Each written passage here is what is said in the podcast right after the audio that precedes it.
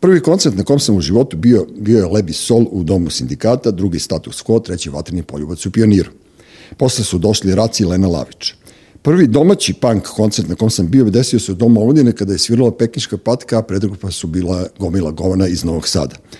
Tek što je patka krenula da svira, moj ortak Delimir je pao u nesest, tako da sam propustio svirku, pošto sam njega polivao vodom u klonjeri. Volim da se sećam takvih događaja, imam o čemu decu da smaram. Maskum Podcast predstavlja Treći svet, vaš domaćin, Dule Nedeljković. E, gost današnje epizode podcasta e, Gordon Paunović. Hvala ti puno što si došao. Ja sam, ne, e, ono, e, prosto sam mislio da nikad u životu više nećemo pričati, to je pod jedan, a drugo nikad nisam mislio da ćemo sesti ispred mikrofona i meni je užasno drago što, što sedimo ispred mikrofona i što ćemo da malo da ćakulamo onako. Časkamo. Da, časkamo, da, da, da, da, da se zavodimo, da šarmiramo jedan drugo. Sad sam ti rekao ono kao da me malo blam, ono kao što sam gledao kao naš lebi sol, ali kažeš to je naša mladost. Pa ne, ne, kažem nema blama za te neke stvari, prosto mi smo mnogo maturi. Mislim, ja mislim da si ti godin dana mlađi od mene, ali znači u toj varijanti imaš 58, a ne 59. Hvala ti, ja sam 64. E, pa onda imamo isto, da, isto smo godište, dobro, dobro. dobro. Nećemo Ove, da merimo ovaj, mesece, da. Tako da smo mi svašta preturili preko svoje glave, tako da mislim nemamo od čega da se stidimo, nemamo kome da se izvinjavamo, naša prošlost e, nije predmet bilo kakve rasprave i diskusije, barem ta e, konzumeristička. Znači, mi smo išli na koncerte na koje smo išli. Ja sam gledao Uh, ne znam, ono, smak u pioniru, ako se sad setim da, tačno, a ne mogu se setiti što je bio prvi koncert mi je bio Miroslav Ilić. Ali sasvim slučajno, da, jer sam bio u Zaječaru, jer sam ja tamo zapravo živeo neko vreme svoje najranije mladosti, su moji roditelji tamo radili. Išli smo da gledamo FK Timok, to je bila dobro, dobro. Ovaj, zabava nedeljom. A, ne znam tačno s kim igrao Timok vrlo lako moguće da je igrao sa, sa Zvezdom. Dobro. Ove, na polovremenu izašao Miroslav Ilić, koji je pevao ono, devojka iz grada, kako se zove taj hit. Al za bolje. E, to. to, to, to. Ove, I to je najfantastičnija stvar koja se, koje se sećam je nekoliko likova oko mene koje mu je vikalo, desi šabane, seljačino, statope. I, I danas kad pomislim, to je recimo neka 70, da, druga, da, da, treća godiš, godina, da. koliko su ljudi bili emancipovani u svoje vreme. Ko bi danas vikao? Šabane, ne, ne Šabanu, nego ono Indiri Radić, razumeš? Da, da, da. Ono, i, i, i tako. Ali zanimljivo, da, ono kao, ne, to Šaban, recimo ja sam e, tražio nešto, sam pisao neki tekst i onda sam tražio e, odakle potiče Šano dušo, Šano mori, odakle potiču šaneri. I od te pesme kao to se pevalo u Zabeli kad dolaze čuvari i kao tako je postalo šaneri, ali nikad nisam otkrio zašto Šabani majke, ne, ne, ne znam zašto su sad svi odabrali baš Šabana, da bude Šabana, ali tom, ono. sociologijom tog mm -hmm. nekog javnog prostora u našoj zemlji se slabo bave, to je Niko slabo su se, se bavili jest, da. i tu je bilo zaista jako puno tema koje su ostale, osta, ostale neobrađene. Mislim, mm. mi smo dovoljno, kao što rekao maturi, da se sećamo tih nekih raznih drugačijih momenta, momenta koji su ostali negde pod velikim znakom pitanja šta da. se ovde stvarno desilo, šta je razlog, zašto se to tako desilo. Mm prosto ljudi koji su, ne znam, studirali sociologiju, društvene nauke i tako dalje, bavili se tom nekom akademskom lesticom, odnosno to da su pisali nešto, ako su uopšte pisali, njih zapravo takve stvari najčešće nisu da. doticale, nažalost. Da ne, ali to je bilo neka, neka, neka stvari se dešavala, bio je svoje vremeno kad je bio punk maskembal u Pinkiju, to je isto jako, jako davno, sad ti pričam, bio je onaj Zoran Predić, Mislim da je TV Revija kada je Đoleta Rahaju, posle što je nacihronizovo Sunđer Boba, on je se maskirao Čalija Čaplina, on je rekao evo Hitlerova, Hitler, deca, deca od Dobro, ali taj predić je poznati debil. Bio i bio predmet raznih ono sprdača nije samo Rahaja taj kog je on okitio, ovaj, o, da. da okitio nego ti, ti, ti tekstovi u, u u Radio TV reviju su dugo godinu da, da, da, predmet sprdnja u fazonu, da li moguće da je neko voliko glup kao što je ovaj čovjek. Ali nije on glup, on je bio plaćen i instruisan da bude protiv te nove ekipe, tako, tako da ono, je. naš, mi smo se tad već susretali, sad si mi rekao nešto što ja, evo čega se ja sećam, ajde da, da, da ne dabijem mnogo s tim, sećam se ovoga, e, u katalogu prvom, među prvima koje sam dobio sa bedževima, sećaš da je bio bedž Sloba, Sloba Konjović Peder? I sad si ti rekao, ja, ja nikad nisam kapirao zašto je konj, ovaj, zašto su konja ovi, ono, stavili u taj katalog kao pedera, međutim sad si mi rekao za Sašu Opačića, koji je bio naš prethodnik u ritmu srca i moj i tvoj i ne znam čini da je on prvi bio u stvari skinut. Ja se sećam te priče za Belu Lugoš, je tako nešto? Tako, on je, on je na neki recimo dali ovaj, e, Božić ili Uskrs, ali mislim da je bio Božić, da je puštao ove darkerske pesme koje su sve bile o smrti, Dobro, da. Bela Lugosis dead i, i, i tako dalje. I onda je, čim je prošao praznik, uh, su se bila interna pobuna u, ovaj, u studiju B, kao, kako, kako su ovi, šta oni se sprdaju. E sad, postoji ta urbana legenda da je tu bio sastanak uh, te uh, lokalnog ogranka Saveza komunista u studiju B tako je, čiji je predsednik ili već sekretar, nemam pojma kako se zvao, zvala vrhovna ličnost, bio Sloba Konjović. Ja, da, da, ali ja, Ove, to, ja sam to zaboravio, ja to ne mogu da verujem. Tako da, da ja, ja sam čuo tu priču, ja, ja se naravno izvinjam Slobi ako pa, dobro, izvinjamo mu se mi, nema Ali veze. dobro, mislim. Ali da- lepo zvuči. Ali lepo, le, le, lepo zvuči, tako da je, ovaj, uh, tako da ima ta priča da je, da je, da je Slaša Opačić politički zglajzno, što zapravo super priča. Pa, za... Jeste, ali to bilo 84. 5. 6. godine, da, to je bilo jako da. Sad, tad, to se poklapalo to i sa tom, tom ekipom, sad kad smo pomenuli zemlju, to sa Đolteom Hajem, to je bilo, naš ljudi kao zlatne 80. One su bile odvratne. Meni su baš bile bez veze. A tad, taj punk kao bunt, on je trajao nešto godinu i po dana, na plafon dve godine, oko i po, pre i posle artističke radne akcije i sve se to rasturilo. I pitanje je koliko je bio bunt. Znaš, ja, ja prvo mislim da su 80. godine definitivne uh, restitucije i uspostavljanja tog pandorskog režima u Srbiji koji vlada dan danas. Znači DB sa vrhuncem september 87. godine, osma sednica, dolazak Slobodan Miloševića na vlast, po meni to nije došao Slobodan Milošević, nego to se DB vratio dobio, na vlast i on, on je od tada, od 87. do 2023. godine, sa častim izuzecima to malo posle 5. oktobra, u, uglavnom kontrolišu situaciju, ne uglavnom, nego potpuno kontrolišu, postavljaju svoje ljude, kontrolišu medije i tako dalje. Tako da, e, što se tiče panka i cele te novotalasne priče, ti si bio mnogo više od mene akter svega toga. Ja sam bio posmatrač, ja sam dolazio na koncerte, ja sam gledao kako da kažem, urbanu gerilu u mhm. Dadovu i tako dalje. Tako da mogu da, da pričam o tome kao, kao posmatrač. Ja mislim da prvo toga nije bilo puno, to se vrlo sporadično dešavalo. Uglavnom ti događaji su bili takvi da smo mi ono po mesec dana čekali. Da, i duže. Da se nešto, nešto uzbudljivo do, dogodi i sa velikim uzbuđenjem smo, smo odlazili i to je bio ono par stotina ljudi. Kako ti kažem, najveći događaj tog tipa u smislu posete kad se snimao dečko koji je obećao u SKC-u, kad je, kad je to bilo sve ono rasprodato, unutra je bilo to krcato, ispred je ostalo hiljadu ljudi koji nisu mogli da. da uđu.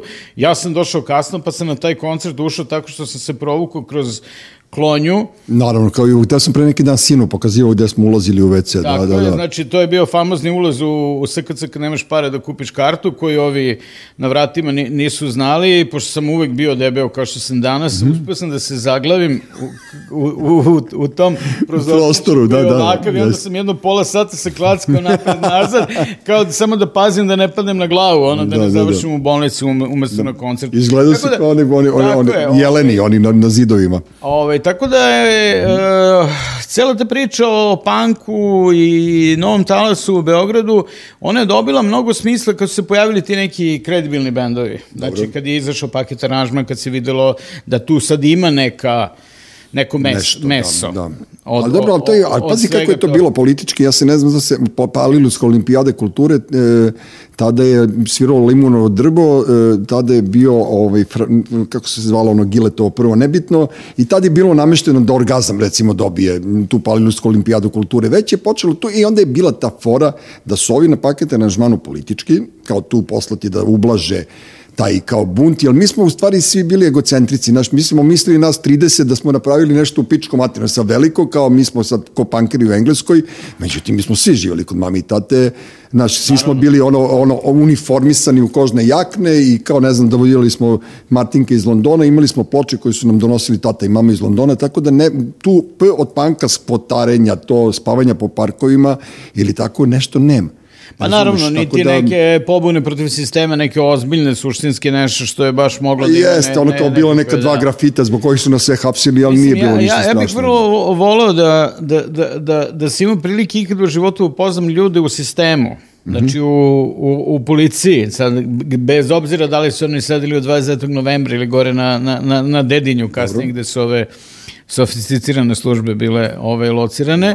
Gospoda. Da, da, ovaj, da vidim šta su, kako su oni to rasuđivili, kako su gledali. To me zapravo zanima iz više nekih mm -hmm istorijskih etapa nekakve pop kulture u Beogradu. Zanima me u slučaju 92-ke, vrlo jako, šta Dobro. je bila namera sa time što nas nisu ugasili odmah posle 15-20 dana. Kada je to počelo, misliš Tako na taj star, znači, da, što je, je bila ona privremena dozvola, ima, da. Imalo smisla, ja mislim da je nas u celoj toj priči, ako pričamo da je dvojci, mm -hmm. sad postavim pitanje samo sebi, prosto spasilo to što je nas slušalo jako malo ljudi, što smo emitali preko, A ne, imali ste onaj... predenika Radio Beograda, da, da, da. koji je bio uh, neka ratna reparacija iz drugog svetskog rata. I, i furalo je tamo na onaj predenik novosti, što je bio isto ono jako malo, to je ono preko, ono kad je bio, kako beše, OK televizija, pa se tu nešto muvalo, pa je bi išlo i na taj predajnik. To znam bez veze. Ono. Nemam pojma. Znam to da je Sefa idiot objašnjavao, tako da je ovo potpuno... To je bio i, i, neki italijanski predajnik koji je mhm. zaostao bio iz drugog svetskog rata, koji je bio nominalno 1 da, da, kilovat, da. ali radio sa stotina kvati snage mm -hmm. i to se zna da svako ko je bio u rupi u Beogradu, u nekoj od ovih rupa, nije mogo da uhvati ništa. Znači, ne može, pa bili na brdu,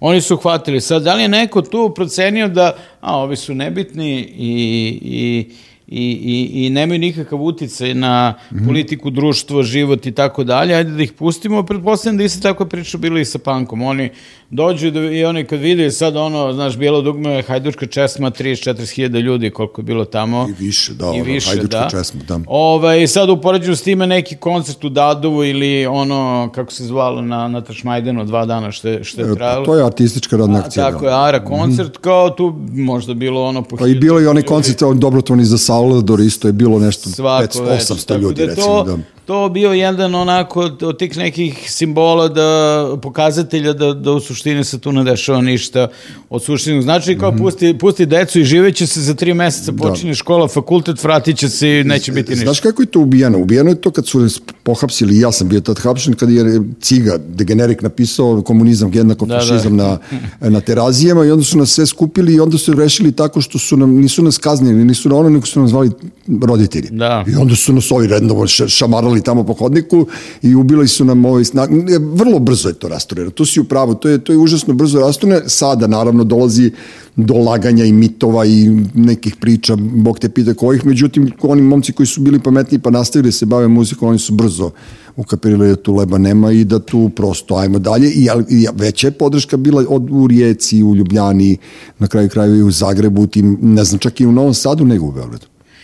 Pa dobro, ali nešto to su bio pun seljaka. Neke da šminkerske sredine, razumiješ? Te, ovaj, mislim, šminkerske za mene, kao i taj punk, kao takav, ono, bila šminkerska stvar, prilično onako trendovska, to hoću da, da kažem, ne, ne, ne šminkerska u smislu, ne znam koje visi dole u Pa dobro, to je krenulo kao, tako dalje, krenulo kao marketing vrlo, vrlo, za butik. Vrlo, vrlo trendovska. Da. I mene zapravo, sam bio sad u, u subotu u Ovaj prostor dole na uglu, uglu Resavske i, i Nemanjine, tamo gde se nekad održavao oktobarski salon, Dobro. to je valjda neki muzej grada Beograda yes, sada kao, yes. kao, kao tako. I bila je neka, pre neverovatna žurka koju su organizovali neki advokati, neka advokatska Dobro. kancelarija. Sam, meni su rekli kao koje li su advokati, ne razumem se, svema gospodina ovaj, Zdravka Tomanovića, mm -hmm. kog se kunema, mogu jednom da ti kažem zašto, dobro. mada to nije baš dobro. ne želim da znam, da, da, da ne da me uvoliš ono posle da ja moram da, da odgovorim na pitanje umesto da, tebe, da, dobro? Da, jednom sam završio na sudu ovaj, mm -hmm. pod čudnim okolnostima i gospodin Tomanović nas je branio i mi smo bili u fazonu, gospodin Tomanović, možete sve naše pare da uzmete, ovaj, koja uzmete nas pare, ne zanima, me samo zanima da mi dobijemo ovaj spor i mi smo dobili taj spor i mi smo sve dali. Kako... Ti si imao, dobro, to ćemo pričati ako budemo uopšte stigli. Ja neću da čačkam te ružne stvari, ja znam koliko si ti ono izgoreo i pregoreo u tim godinama 90-im. E, ti si bio u stvari bipolarna ličnost. Jedne strane si kreirao clubbing. Ja sam uh, preteča multipolarnog sveta. Pa to jeste, pa ne ozbiljno, ti si s jedne strane kreirao clubbing, ti si radio na taj, tom radiju, vi ste furali neku svoju neku svoju priču, niste, prvo ste imali unutar same ono, organizacije B92 otklon od ovih što nikad nisu farmerke obukli pre 40. godine, informativni redakcije, vi ste gurali svoje po svaku cenu i onda ste se u, u vremenu u koraku prestrojili i bili ste pioniri klabinga koji ste iza sebe čak imali tu radio stanicu, ne kažem ja ono, da, da ste vi to na, smisleno uradili, nego prosto koristili ste taj potpuno stišti, ono neka, neka struja je išla, vukla vas je i sada ko je prošao to 90. godina što si ti prošao, ja ne znam na koju foru ste vi živi svi. Najiskrenije. Pa znaš šta, evo ja imam, ja mogu se poklonim da već dve godine imam stand, preživio sam infarkt na nogama. Dobro, imam, se puniš ono na, da, na punjač. Se, da, da, evo, da. evo kako se zove. Šta ti to? Insulin. A, ti moraš da nosiš to, ovaj, dobro, dobro. Ne, ne, šalim se. Ovaj, samo, ne moraš da isključiš. Samo da završim ovu priču, je mm -hmm. prethodno da se, da se napravio digresiju, a u suštini se vrlo lepo nadoveza na ovo što si rekao. Znači, mm -hmm. bila ta žurka, 2000 ljudi, a, gomila stage-eva sa DJ-evima, sa, sa, sa živom muzikom i mi otišli da gledamo belu tehniku, to su ovi Darkudi, La, lažni Darkudi bez vuče i bez, uh, kako se zove, ovi bubnjar. Bubnjara, ne se se. mi je, ovi, izvinjene, Lav. Lav Bratuša. Lav Bratuša, bravo. A, I mi odgledamo kako se zove Belu tehniku, ali Bela tehnika je jedan zve, band koji onako zvuči, on, on to suštinski elektronika. Ovaj, i, i, i, I njihove su sve reference nekakva plesna muzika. Posle njih na, na binu izlazi Let 3.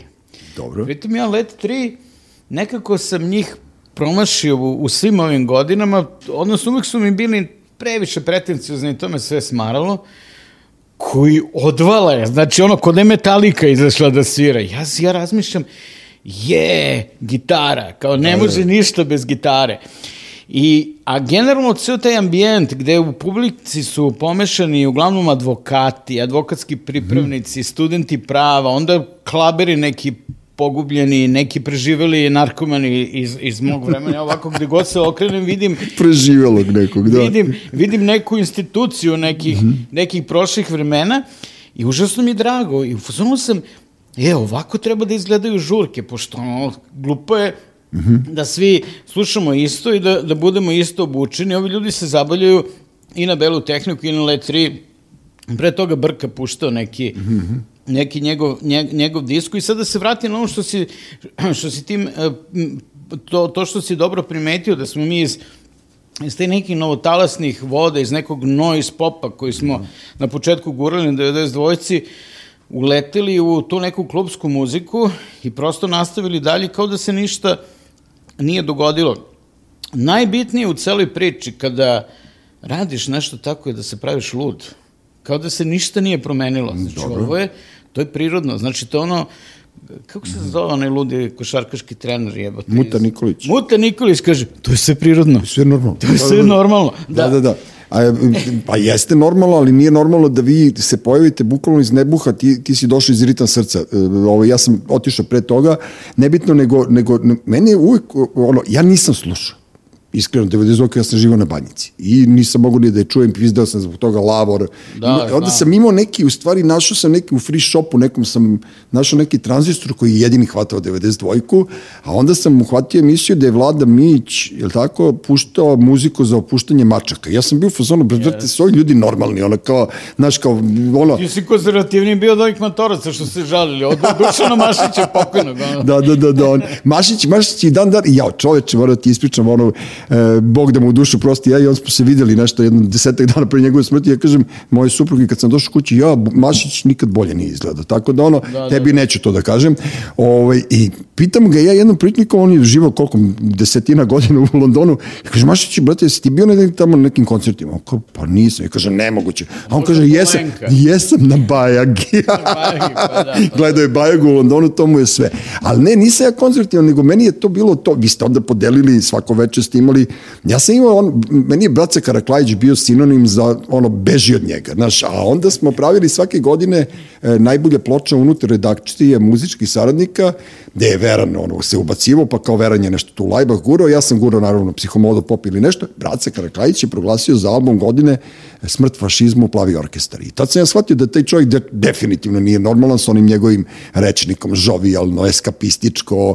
Ja sam bio kod njega na gajbi, on je stanovao u soliterima gore na Voždovcu, I on je imao užasno veliku tu kao kolekciju ploča. Znaš, i meni je Braca Karaklajić u stvari bio sinonim za tu uslovno rečeno nenormalnost koju ste vi u muzičkoj redakciji. Pa ne, imali. on je bio najveći strejteš, odmah ti kažem, posle Micije, naravno. Pošto Dobro, ono, Micija, ono Micija, da. Ove, ovaj, Micija je spomenik strejtaša, da. A, a, on je, Brace, bio, je jedan strahovito temeljan lik. Znači, da, on je bio užasno vodio, pedantan, da, da, da. sveščice, beležio, Just. znači ono, svoje recenzije pisao o tome šta mm. sluša, nenormalno puno muzike slušao I pa se ti kažem, ako on stavio plavi orkestar na broj 1, onda tu ima nešto. znači, ne znam šta može da ima, god da nemam zezati. Dobro, ja dobro, naš, mislim da možda, možda je bilo... Bile neke teorije, oni su da. bili, e, e, bile struja u jugoslovenskoj pop kritici, pre svega ovih Zagrebčana iz, iz Poleta, Dejan Kršić i njegovi prijatelji, koji su jako forsirali plavi orkestar, to gledali kao na nekakav komunistički pop art. Mhm, dobro. Što je sad stvar o kojoj možemo da raspravljamo, ona, ona suštinski jeste tačna, ali je pitanje da li to treba vrednovati tako da to bude na, na mestu broj 1 ili je treba prosto obeležiti kao neka fenomen vremena, a sad to da. pitanje, ne znam kad je izašao taj album i šta je još bilo u pa, konkurenciji. Pa, 86. 7. godine. Ako je izašao neki album Discipline Kišma te godine, teško da je mogo da nije, bude nije. broj 1 Možda pored, pored plavog orkestra. Ne, e, zašto je Ljubav Ekaterina Velika, tu su se braci i Milan posvađali u programu, to se sećam, pošto je braca pljuvao album, da, da, da. A ja sam bio urednik te emisije. Milan mi posle došao, žalio se na bracu, ja kažem, pusti ga u bičku. A braci prodao Bora Grbovi pre toga farmerke, pošto se preslačio pred emisiju. Tako da ono, sva, svašta se tu nešto dešavalo gore. Ovaj, šta sam te da ti kažem, e, kad pričamo o DJ-ingu, Ja se sad e, sećam ono kao prethodnici tvoji su puštali one pravili igranke na Kališu, znaš, i ti si na, ono kao, znaš, Mile Lojpur i ta ekipa što su pravili na plesnom podijumu i ti si bio kralj plesnih podijuma, zar ne, ili tako? Ali sećaš ti onih nepodnošljivih vremena 80-ih sa tu punk, rock, novi talas, ovo ono, međutim, bile su one romoteka i diskoteke po gradu gde se puštala prava disko muzika. I to je na 200 dvojci, jel tako bilo nešto? Bože Podunavac. E, možemo to voljivo. Pa onaj tamo famozni klub, ovaj, što je se furao da je klub 54. A 54, ovo da, da, da, da, to je Miljko, to je to, Miljko iz Vrnjačke banje otvorio. Još Erić. Erić je ovaj kod mene u kraju, vidio sam. Famozni, da. još gomila nekih drugih mm -hmm. ljudi. Za nas je to bilo potpuno fascinantno, to da, mi smo imali te, te gramofone Technics 1210 mm -hmm. koji su osnovni alat za, za, za miksove, za beat mixing, tako znam da ti umiksaš ritam na ritam. Dobro. I sad kad smo mi doneli te prve ploče, Techno i House iz Londona, ono, dođe, dođe Bože Podunavac koji uključi jedan gramofon, uključi drugi krene da miksuje. Mi ga gledamo, što radiš to čoveče, mm -hmm. koji si ti, ti normalna. I, I onda smo saznali kao celo tu priču su ljudi ono 80. proveli stvarno kao zanatlije. Znači, puštajući di, Italo disco po, kako se zove, po klubovima, kao što kao što je klub 54, Kozlica. Aha, Kozlica, on je bio, da, on je, da. I, I tako dalje, čovjek koji je zaista o kome treba napisati knjigu, jer on je zapravo u tim nekim referencama da, smo, da, je, da je Srbija, Beograd zaista postao uh, da je imao tu nek, nekakav više kao mhm. kreativni output od ovoga sada što je bio samo to loženje, izlazak na rejvove i tako dalje. Do Kozlice vrlo malo klinaca na kraju došlo. Po, postoji ta jedna ekipa koja je na kraju završila na 2044 na brodu Dobro. oko ovog Disco Not Disco mm -hmm. projekta koji je vodio uh, DJ Brka, znači to su ljudi koji znaju Kozlicu i koji znaju gomilu tih nekih pesama koje, koje ko, Kozlica zapravo pušta u, u tom svom... Kozlicina emisija trebala po četiri sata, ali tako nešto bilo? Da, nešto mora, zato što dugo. on dobio nenormalnu količinu da. ploča sa, kako se zove, uglavnom iz Italije ili već Nemačke, odakle su bili njegovi izvori, i on je život prodaje snimaka te muzike. Mm -hmm. Kome je prodavao? Raznim dižokejima po provinciji, znači Stara Pazova, Indija, sve ove diskoteke, znači on snimi lepo pogaču, za sat vremena muzike, to ti proda za za 50 maraka, 100 maraka, nemam pojma koje su bile tada. I ti onda DJ-šiš tamo. I ti, ti onda DJ-šiš, u nekom trenutku uzmeš pa rasprodaš ove ploče koje ti se ne sviđaju i finansiraš prodaju svega toga. Ali šta hoću da kažem? Hoću da kažem da, da smo mi pali sa Marsa u, u, u, na jedno tlo koje je već bilo praktično, praktično formirano. Mm -hmm. Tako da je Božo Podunavac to što on tehnički i u mnogim drugim aspektima bio bolji DJ od svih nas, Pa zato što je on tehničan. Zato što je imao da. 10 godina iskustva. backgrounda, iskustva. E sad, kako da ti kažem, a, ja, ja mnogo volim da se zezam s Božom. Mm -hmm. Ja mu kažem, dobro Božo, ti si veliki car, ali ti si svako večer završavao sa Hulk, Hankom Paldom, kad dođe, kako se zove... Kulminacija. Inform, da. i, kako se zove, Informensur. E, Irfan Mensur, da. Irfan Dobro. tako je, glumac koji se napije ko bulja od nekog ono štoka ili ne znam šta je šta je pio, izvinio se gospodinu Mensuru, dobro, dobro. ali ovo, ovo shvatimo ga on trenutku kao simbol jednog ovaj, miljeja kome on pripadao tada, Glumačkog, koji, koji da. dođe I, I onda kad, kad Boža ispušta se svoje ove italo disco hitove, krene da vadi novčanice od 50 maraka i da lepi ovaj diđu keju na čelo i da naručuje narodnjake.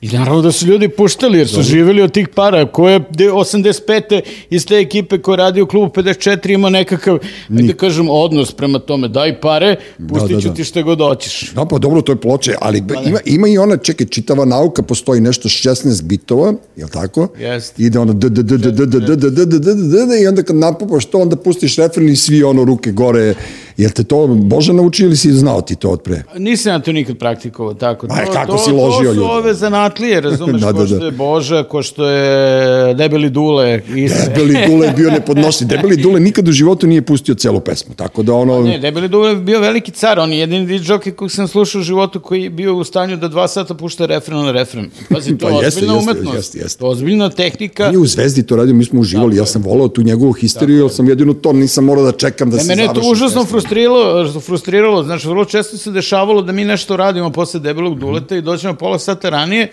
Ja gledam što ovaj čovjek radi, ja gledam u fazonu sam, ej, ja stvarno ne verujem kao koliko mm -hmm. ovo dobro, šta sad ja mogu da radim posle ovog čoveka? Znači, ono, da. znači, on se još prilagodi, kao, e, dolaze ovi, ove, ove budale posle mene, kao, ne, neću više puštam kao to hit na hit i te neke mm -hmm. ove stvari koje su onako blagoblamantne, nego kao krene malo to da... Da, da, da, da, da, da, da ti ima... Ne, ne vredi. E, ali čekaj, vi, vi ste u jednom trenutku, on je u industriji jedno, jedno vreme bio, pa je ono na kraju opustila ta, nije imao neku publiku, nije, nije mogla komercijalno da se ostvari e, industrija protiv, preko pa njega. Pa nije, pazi, prva industrija je bankrotirala. A to je ta ona je, koja je otišla iz Zvezde, ta ekipa se iz Zvezde preselila u industriju i zna da su pukli. Tako je, zato što su osnivači industrije bili Grga, ovaj... Srđan Vučković. Srđan, tako je, Srđan Vučković, tu je bio i Tomanić koji je nešto operisao da, oko, Tomanić, oko, oko svega toga. To je bila neka, ovaj, neka čudna skupina ljudi. Ovaj, interes, i, interes. Da, i, i kada to nije finansijski zadovoljavalo ono što su pre svega Grga i Srđan očekivali, Onda su se oni kao tu sklonili, tu ostao Tomanić, nama su dali te neke udarne slotove, znači mi kad, je, kad su oni držali se, mislim, mi smo se bili podelili, bili između četvrtka i nedelje, mm -hmm. e, mi smo radili četvrtkom, nedeljom su radili ovi United DJs of Trans, Mark V, Strop. DJI, Strobe, pokojni i tako dalje. Ove, znači ono na totalnoj margini, onda je sad tu bila najbizarnija stvar da mi koji smo bili viđeni od, od, od vlasnika kluba kao ono budala i padavičari, znači da smo mi četvrtkom i nedeljom imali više ljudi i bolje promete nego petkom i, i, i subotom uh, debili dule i ne znam već koga su ovi dovodili od, od, od te neke ne svoje ja te ekipe tih, tih da. zabavljača.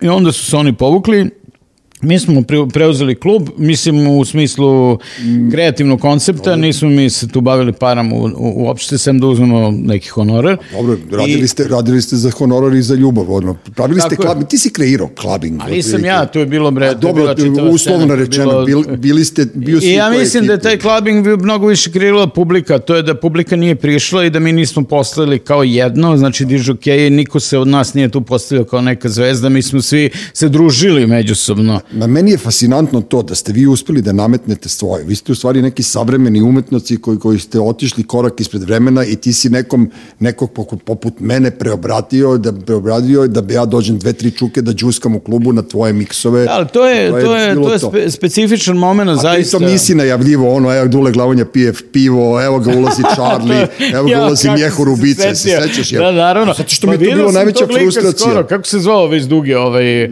Čupko. Čupko, tako je. Vidio sam meni je to najveća frustracija. Ne mogu da garantujem da je bio on, ali je bio u banci, da. imao je kosu vezanu u rep, ono, plav, ofarba. Ako je bio na rošulama, on je.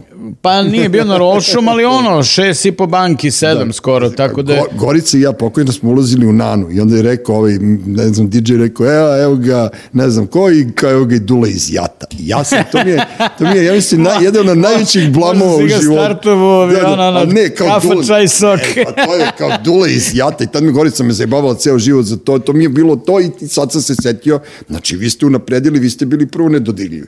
Znaš, ne mogu ja da dođem kod tebe kao, i Gordane, pusti me ovo kad ne znam ni šta puštaš, razumeš, ili Vladi Janjić, ili bilo da. kome, Boža Poduravac, naravno, njemu nisi smeo da priđeš ni na 5 metara otprilike, on je ko Goran Grbović u basketu, Bože, uvijek bio neka, onaš... Makaze u džep.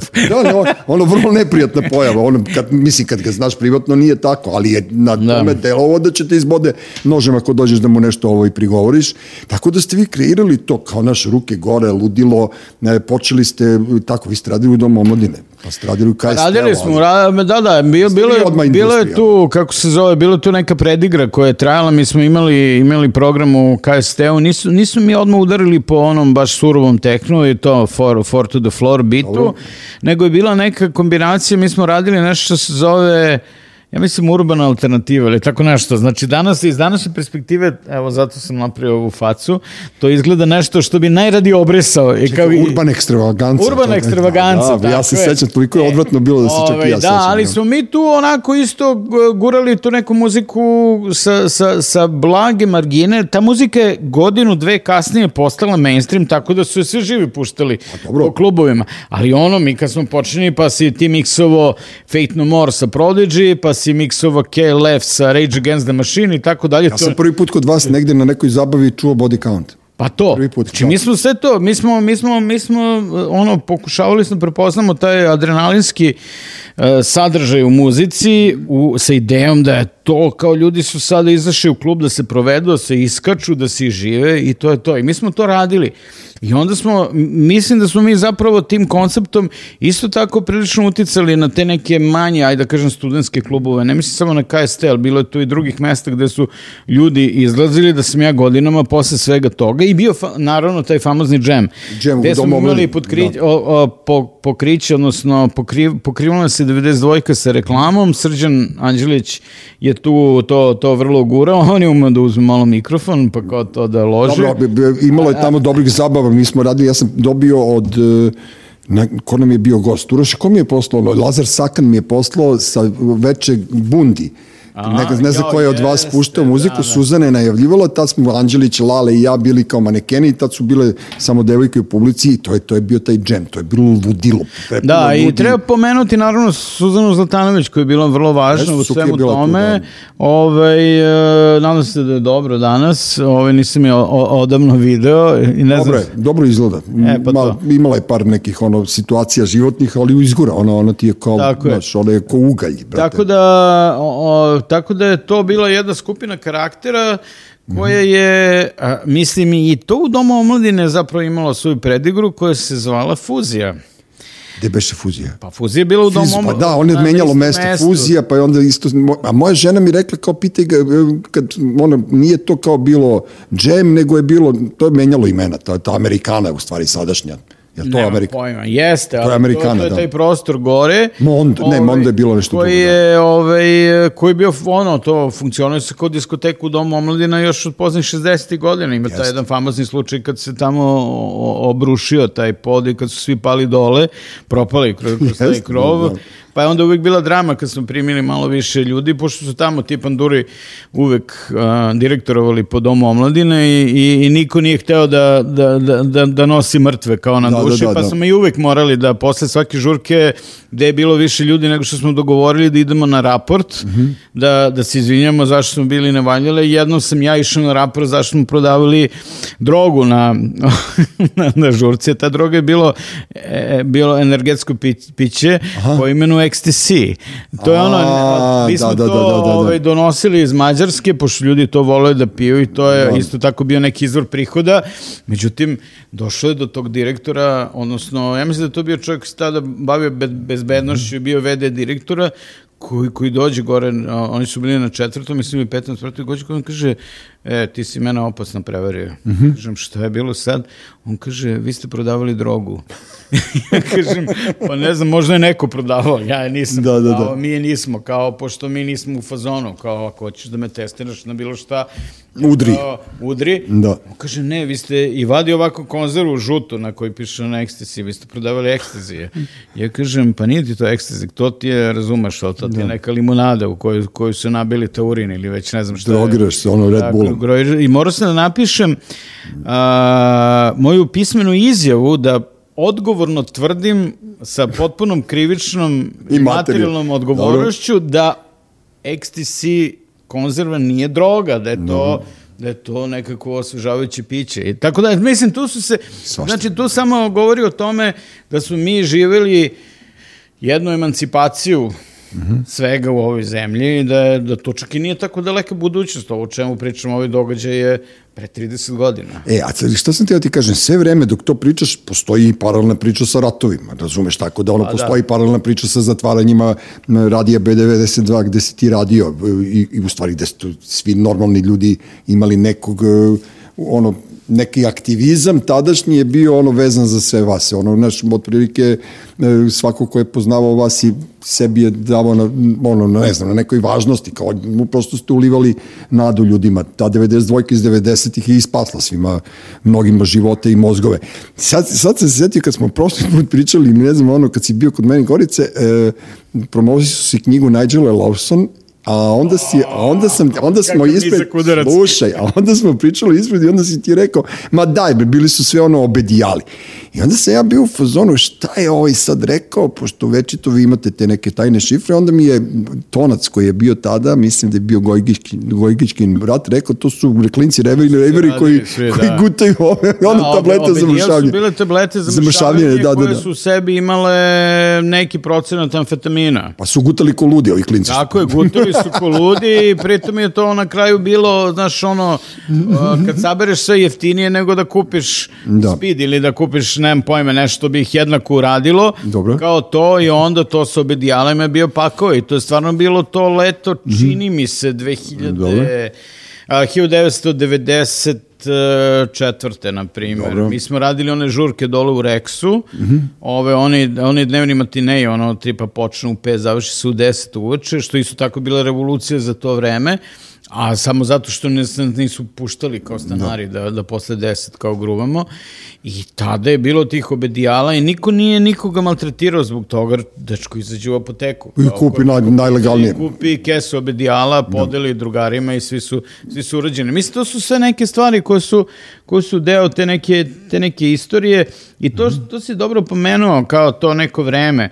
Znaš, te stvari ne mogu se ponove baš u nekim relativno normalnim uslovima, mada mi živimo u duboko nenormalnoj zemlji. Danas i tekako ima uslova u, ovom, u ovoj svakodnevici da se na to reaguje i da se uradi nešto kao kao odgovor na sve to, pre svega nešto što bi ljude učinilo srećnim barem na neko kratko vreme. Ali to sad pitanje, ja nemam pojma, ja ne razumem mlade generacije, ne, ne, ne da ih ne razumem zato što uh, Zato što je to nešto, ne želim ovo da, da kažem pežorativno, da, da mislim da su oni, ne znam, ovakvi ili onakvi, prosto ih ne razumem jer ih ne pratim i Dobro. ne kapiram. Mislim, TikTok mi je super zabavan kad pratim spotove o čivavama, razumeš kako, kako čivave. A dobro, nešto veslaš ono, da, da, da. da, da, da. ali, ali, ali ne znam, zaista, ja, ja, ja mislim da je danas prosto tih, uh, tih fascinacija u tom audiovizualnom svetu ima tako puno mm -hmm. da je iz svega toga vrlo teško izaći, vratiti se u realnost i to iskoristiti na neki kreativan način, na, na način na koji smo mi bili dovoljno srećni da smo to uspeli da uradimo u svoje vreme. Ali mi nismo imali internet, mi nismo da. imali mobilne telefone, mi nismo imali gomilu stvari koje ljudima prosto oduzimaju pažnju i skreću uh, interesovanja. Uh, pa na... samim tim vi ste, vi ste kreirali tu, tu budućnost, mislim, ono, u tom trenutku ste vi otišli mnogo preko. Pa mi smo sebi preko. nešto isk iskreirali, da. imali smo tu sreću da imamo... Ali imali ste i kulturološki utisak da to, pa nas, koji su nas pratili u svemu mm. tome. I to je to, ali ta priča se završila u suštini, mislim, da. znaš, imaš ovaj klubing današnji, u suštini nema mnogo veze sa tim klubing, klubingom tadašnjim, zato što se današnji klubing potpuno pretvorio u neki biznis i, i, i to više nije nekakav kulturni pokret kao što smo mogli da pričamo o klubing kulturi u Beogradu ranih 90-ih Tokom 90. Ajde, tokom ma, dobro, to je već, to je duže to je, trajalo od New Wave-a. Pa da, Mislim, to, je, okay. to jeste duže trajalo od New Wave-a, ali kako ti kažem, New Wave je uh, bio pre komplikovan za handling, pošto New Wave vrlo brzo uh, ra, ra, raspodelio se na, na bendove, na grupe, mm. gde su trebale žive svirke, treba tako se održava, a Beograd nije London da ima 10 klubova, razumeš, gde da, možeš da, da, da, da, da, da ideš naokolo i da sviraš i, i tako dalje, pa samim tim nisu imali toliko bendova i to je bilo sve u suštini mnogo, mnogo, mnogo skromnije. Ali nije bilo, ne mhm. želim uopšte da ga na neki način pocenju u ovom trenutku New Wave, prosto, prosto iz tog New Wave-a Beogradsku su neke velike stvari izašle. Pa dobro, jesu mi. velike stvari. E, a znaš šta sam teo ti kažem? Klin, klinci danas, e, bila mi u podcastu gošća Mimi Mercedes, ona ti je ona kao ultra zvezda danas i sad je ona meni pričala i kaže, ja sad ono, znaš, tako napipavam šta oni slušaju, onda ona meni urošu kaže, ja sam slušala Dina Merlina kad sam dolazila ovamo, tako si mi plakala. ja se tu zbunim. Pa pazi... Klinci miksuju, o, hoću da ti kažem, klinci miksuju narodnjake sa nekim njihovim, ono, danas sam bio, tamo sam išao, ono, ono, kad repuju, pa onda puste neki sample, ali to su radili, ja se sećam, u, mislim da je bio to ta fama pravi, originalni klub 54, da je postao neki crnac DJ koji je u to vreme disko puštao Led Zeppelin zalepi u nekom klubu i onda je... napolju ili ovde? U, u, ne, unutra, u, u pravom klubu 54 u Njujorku. A, da, da, naravno. I on je to, on, A, i to su te su, jel jeste? Tako je, znači, naravno. sam, ja, ja sam to negde iz, mozga, iz malog mozga izvukao sa kad si pričao. Znači, uvijek je postojalo to koketiranje sa nekom zajebancijom, kao što ste vi to radili, tako su radili pred vas neki svetski. Pa ja mislim da to nije bila zajebancija kod njih, bilo je to dosta, kako se zove, nekih uh, rock bendova, zapravo muzika nije bila toliko isparcelisana kao posle, ono, od, od, od, od druge polovine 80 na dalje, kad su se žanrovi mnogo mm -hmm. striktnije formatirali ne, nego, nego do tada. Znači, to što se slušalo tada u, kako se zove, u 54. u Njurku, u Loftu i u drugim klubovima to, tog formata, Tu je bilo dosta bele muzike. Znači, slušao se jeste, tu i pa... Steely Dan, Doobie Brothers. Jeste, jeste. Ove, ovaj, Doobie Brothers su imali od najvećih hitova ikada kao u, u, u, u, u disko muzici. Bee Gees, brate, su puštali tamo. Dobro, Bee Gees, oni su već, kako se zove ono, to, totalni disko. Tako da, da. to Led Zeppelin, to, to je muzika koju su, koju su ljudi slušali, sve radijska muzika tog vremena. Tako jeste. da nema razloga da neko sluša u u klubu Amandu Lir, mm -hmm. koju čuje na radiju, a da, a da ne, ne, ne čuje Led Zeppelin. A kako si ti odoleo, ti lično? Znači, ne pričam o radu na radiju, ne pričam o DJingu, o tome. Kako si ti lično odoleo nekoj Nirvani, nekim Guns N' Roses, nekim Alice in Chain, uh, pa na kraju krajeva naš tu tih 90-ih pa, su... Pa mi smo, to, mi smo, mi smo Nirvanu izmislili u Beogradu, normalno. Pa ja sam, ja sam čovek koji objavio da je, da, da je Kurt Cobain umra. Pa dobro. Znači, da. gledao sam ovako MTV mm -hmm. i, i u, u tom trenutku oni prekidaju program i daju ves da, da je ovaj se svoj ubio. Da. Kurkom, ja sedim za miksetom, dižem regler. A nisam znao, aj si pušto ti to? Kako nisam, pa ja... Dobro, izvini, onda ja sam mislio ja, da si ti ono potpuno pa jok, ne, ne, opuštanje mačaka samo. Ne, ne, ne, pa, pa to je bilo kao veliko, mm -hmm. ovaj, e, do, dosta veliko, veliko iznenađenje, taj, taj, taj, taj ulazak moj u, u elektroniku i, i, i u elektronsku muziku i clubbing, zato što sam ja pre toga imao razne, ovaj, uh, alternat, e, znači razne epizode sa alternativnom muzikom. Zapravo radio sam na 92-ci mm -hmm. emisiju koja je zvala Supermanova sestrica koja puštala najekstremniju a, gitarsku alternativnu muziku, američki totalni underground, mm -hmm. koji je čak bio previše ekstreman i za Žikicinu emisiju, i za Miškovu emisiju, dobro, možda nije baš za Mišku. Miško, da, Miško, Miško je ono tukli crnca na plaži, Miško Ove, je taj fazon bio, da. I radio sam na trećem programu Radio Beogradu u to vreme emisiju koja se zvala Alternativni rok. Jo, jeste. Tako da, mislim, nije, da, moj, da, moj, da, moj, da, da. moj problem taj ostao do dana današnjeg, to je taj nedostatak apsolutnog fokusa na jednu stvar, mm -hmm. znači to je ono, ne znam sad, kad, kad, kad to kažem, mislim ljuda kao što su Žikica Simić, koji se čovjek vrlo, Još vrlo strogo drži principa kojih se držao 1985. ako sam pogodio godinu u kojoj je počeo tajanstveni voz na studiju B i to je, jedna, to je jedan veliki kvalitet. S druge strane, ja imam, meni, meni se vrlo često menjaju kao muzička interesovanja I isto tako ko što me nešto zanimalo, ne znam, ono 87. pa 92. pa 2006. danas 2023. Mhm. imam opet neka nova interesovanja kojima se bavim u sklopu jedne emisije koju radim na, na takozvanom radioaparatu. Radioaparatu, da. Tako da, i koja se bavi nekom graničnom teritorijom koje bi, ne znam, ono, pre 20 godina bi verovatno povraćao sam po sebi, a u suštini danas mislim da je to super. a dobro, dobro, mi se svi menjamo. Meni je, recimo, ovaj podcast je otkrio Dule Mašić koji me pitao šta misliš o govornom radiju sam rekao, ne mislim ništa, ko će slušati ovo što ljude koji kažem, pričaju. Ono, znaš, uh, Dušan Masić, Bog da mu dušu prosti, mm -hmm. moj veliki drugar, prijatelj i, neprijatelj radijski, u smislu Kapiram, pogleda da. na to šta je radio. Znači, njegova priča o govornom radiju je starija nego nego mi nego Biblija. Da da da da da. Pa, ne, ali stvarno to je bilo ali ja dugo ja, godina. ja ja nekako mislim čekaj čoveče ti si otišao na taj BBC tamo, tamo si se uglavio, imao si priliku da formiraš da, da, da kreiraš radio stanice širom sveta, od Pakistana i Bangladeša. Da, on je bio zadužen za te Bangladeše. Do, ne znam, Ukrajine i ne znam gde je sve radio. Mm -hmm. I fuzon sam, čekaj, što nisi napravio kad te govorni radio toliko genijalna stvar? Ajde sad ti meni kaže, da li ti misliš stvarno da ti možeš 24 sata da slušaš neko kako, kako brblja? Ne mogu, brate. Ja, ne može, ne može ja mogu, to. ali mogu ovo, sat vremena mi je čak prijatno, kad šetam kuće, naš stavim slušalici i onda mi ono, kad je neka dobra žvaka, animira me to. I to da. mnogo, ali to zaista nema puno ljudi koji mogu da ti pruže tako dobru žvaku, to je zaista redak dobro, slušaj. To vrlo dobro znaš, da, da. Da, tako da, da su to sve nekakvi, ajde da kažem, utopijski koncepti koji nisu uopšte našli svo, svoj put. Ali mi generalno pričamo o, jednom mediju koji je, mm -hmm. ajde da se ne lažemo, propao. Znači, radio. radio je propao kao medij zato što su među vremenu izmišljeni, izmišljene nove tehnologije, novi formati koji ti omogućuju da svako napravi svoj radio. Znači ja imam mobilni telefon, mm -hmm. ja ovde stavim svojih, razumeš, 200 pesama koje odaberem za taj dan i stavim recimo tri neka podcasta koje, koje, koji mi se sviđaju, koji su to? Dobro. Talk show. Mm -hmm. I to je za, za moju koncentraciju, za moje poimanje a, kapaciteta mog mozga sasvim dovoljno da za, za jedan dan. Mislim, ovo sad Dobro, to pre, pre, preterujem. Znači, naravno, da. U principu mi, mi mnogo manje treba, a da ne kažem da a dobro, ne, vrlo često Spotify završava celu priču i tako neki od tih. A nekad si koncentrisan neki 2-3 sata dnevno ja provedem tako u tom je. fazonu slušajući drugog ili slušajući muziku, Ali ne više. Ali suštinski je da. problem što ovde na, na, na našem govornom području, koje nije samo, ne mislim na govorno, nego na kulturnom području, mm -hmm. ima jako malo tog nekog kvalitetnog sadržaja, znači koji bi ja, ja, ja, ja slušao i to je,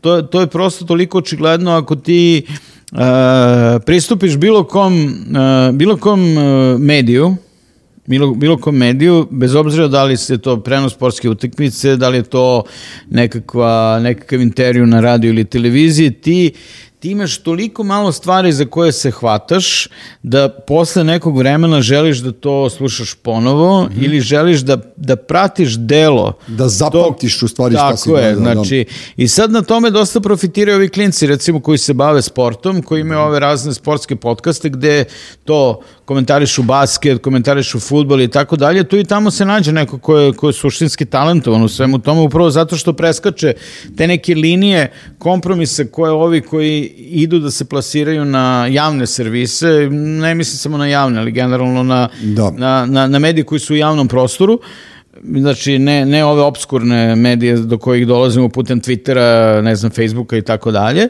I oni uspevaju da, da sad tu nametnu novi, znaš, tipa da sam najbolje analize futbala modernog kod nekih ljudi koji su u fazonu, čekaj dečko, ko si ti? Da, ko su oni? Ko si, da. gde si ti to, pojavio? to su krenuli ovi sa NFL-om prvo, znaš, kao kad su počeli Jeste, ta sitna cepsa da tačno, to je ta- pretresaju. To je ta ekipa, to je, to je bio veliki generator toga da su se klinci ohrabrili koji jako puno uče, napaljeni su, imaju kao imaju to posvećenje kao sportu i, i hoće da uči i hoće da to podele sa drugim. Ne, ali fanta, to, to, to, to, to se slažem s tobom i em, ja guram ovde u principu ono da do, dovodim ljude koji ne gostuju nigde na medijima i koji ako imaju i tekako šta da kažu. Recimo kod ti, sad naš glupo je nes, da nestane tvoj neki neki komentar bilo kakve situacije, ovo sad što pričam milionom, recimo, meni je, ja bih volao ovo da slušam. Tako da ja po tom kriteriju... ja se nadam da nisi jedini. Ne, ne, ne, ne, kako ti kažem, ja se rukovodim po tom kriterijumu, to je to. E sad, ti imaš ono, mislim, možemo mi da pričamo 5 sati, ali meni se sviđalo, recimo, što, što sam ja govorio, da si ti uvek neki ono punk rocker u celoj toj priči, ti si u stvari bio jedini, ne jedini, nego si bio jedan od onih koji su se protivili komercijali, eh, komercijalizaciji celog tog uh, DJ-inga i celog tog klubinga koji si radio, jer si ono otvoreno govorio da, da to preuzimaju kriminalci, da to u stvari ta finansijska konstrukcija se uvek svodi na to da, znaš, kad otvoriš kafić neki, dolaze prvo gotivna ekipa, pa dolaze dobre ribe, za njima crnogorci i to propada. Tako da je, tako i u klabingu. Znaš, a klub Pa- 54, originalni, je trajao samo 33 meseca.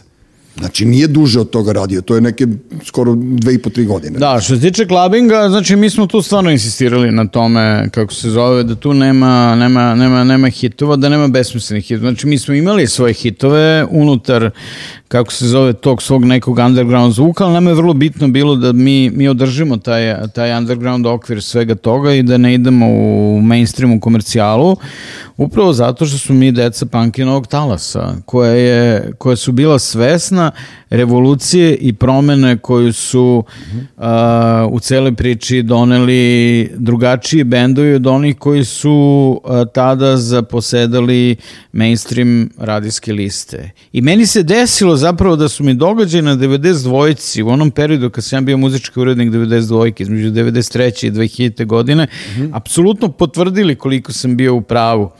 Jer je bio taj period na kraju Znaš, kako se zahuktavala cela ta politička priča u Srbiji, 92 koja je bila zapravo medijski nosilac svega toga, jer kako bih rekao, nije bi sigurno bio radio indeks ili, ili tako neke radio stanice, nije, nije bitno sad da, da, da ne digresiram previše, pogotovo u neku priču gde ću sad ono da izazovem ovaj odijum javnosti. Mm -hmm.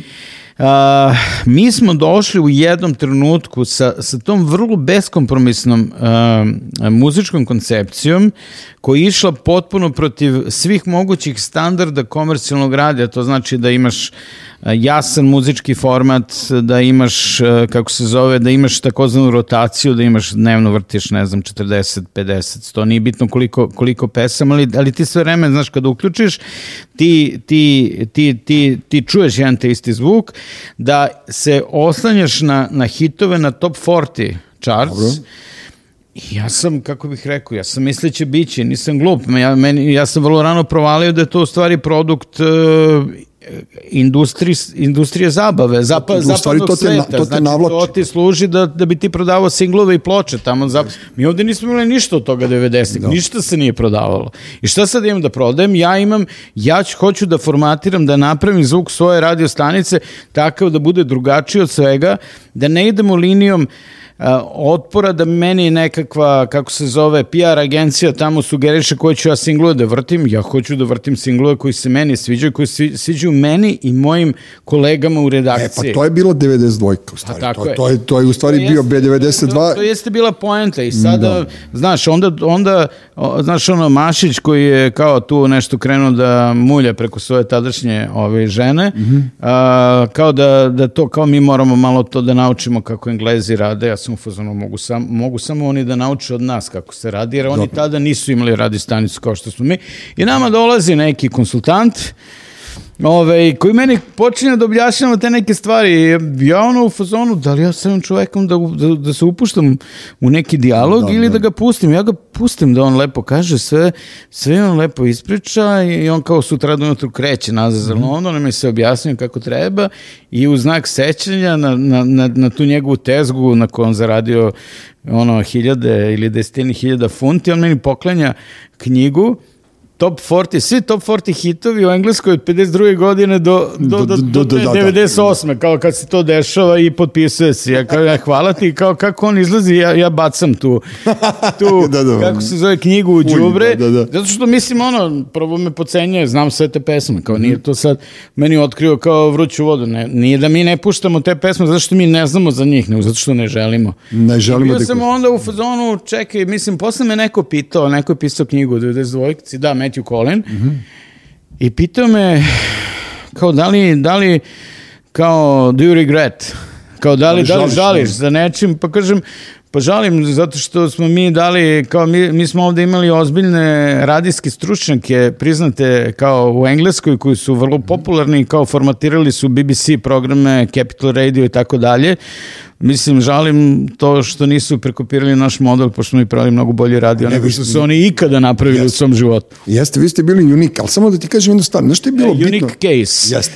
Vi ste bili, e, bilo, šta je bilo ovaj, e, vrlo bitno? E, ljudi po gradu, mene zbog ritma srca, tebe zbog 92 oni su, oni su nas prepoznavali i mi smo bili među ljudima. Znaš, ja kad sam napravio onu ploču 101 otkuca u ritmu srca, to je s radijom 101, bio je pun skrc. Tad me Mici, Mici optužio da sam uzao pare od Grge. Ja kažem, Mici, ako je neko uzeo od pare od Grge, taj Niko svaka, nikad nije uzao pare od Grge. Svaka mu čast, tako da ono naš Mici je tad bio mladi zeleni, ali bio prodat ceo skrc, Soma Karata, Grga mi platio noćenje bendo mi Zagreba Tango u hotelu i ne, nisam ništa dobio. Da, da, da. Onda smo Veran i ja pravili, e, neka crna kaseta je bila, pa sam ja vodio neki program, pošto su Verana pljuvali, a onda kao ja sam bio autoritet i treći put je bilo kada je bio Rintu Tituki. Jer ja sam sedeo sa Milanom Giletom i Canetom kad je kad su pravili tu, tu inicijativu i to se sećam i onda su ljudi izlazili u susret i onda ste se vi niste čudili kada je bilo ono zatvaranje prvo pa i kad je cela kolona demonstranata 96. 7. prolazila me, evo ja sad najžem, meni je bilo mnogo drago zbog vas maš nekako ono sećam se, ali sećam se i čudnih ljudi oko radi. Jer znaš, to je mene ono bolelo, to je mene bolelo u pičko materinu, zato što su se skupljali, aj što su panduri, što su degenerici, što su neko hteo da vas napada, nego ovi što su hteli po svaku cenu da upišu svoj CV ja nisam tada ni znao što znači CV ovaj, da su radili na toj B92, ali neću sad da, da kvarim ovu našu priču, pošto meni je to, kažem ti, verovatno tebi još gore nego meni, otprilike. Znaš, kad ne, pogledam, meni nije. Ja, ja sam preko ja, sentimenta prema tom vremenu, jer ja sam vas strašno gotivio. Ja se sećam Miško Bilbija na mom placu u Moravcima, mi se vraćamo iz Guče. I sad Miška Bilbiju smo poveli, pošto jedini nije cirkao, I sad ja imam sliku Miška Bilbija sa šajkačom, razumeš, koji sam ja mislim svoje vremeno i doneo Znam u redakciju sliku, da. svoje vremeno i onda, i onda je ta slika nestala i mi smo bili u fazonu, dobro, be, Biblija, što si marno tu sliku, Steva Gibon i ja ga prozivali.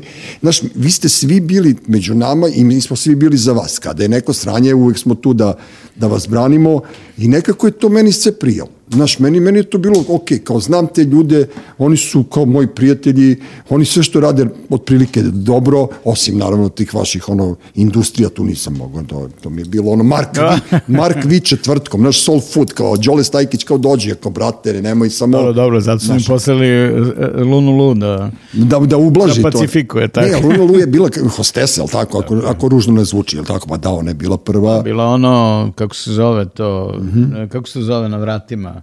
Pa onaj što bir, dor. Onaj ko, koji, koji radi tu vizualnu kontrolu kao dečko, šta se da dešava večeras, da, reci mi, kao, ko, ko, ko nastupa večeras? ne možeš tako obučen unutra i te fore, da.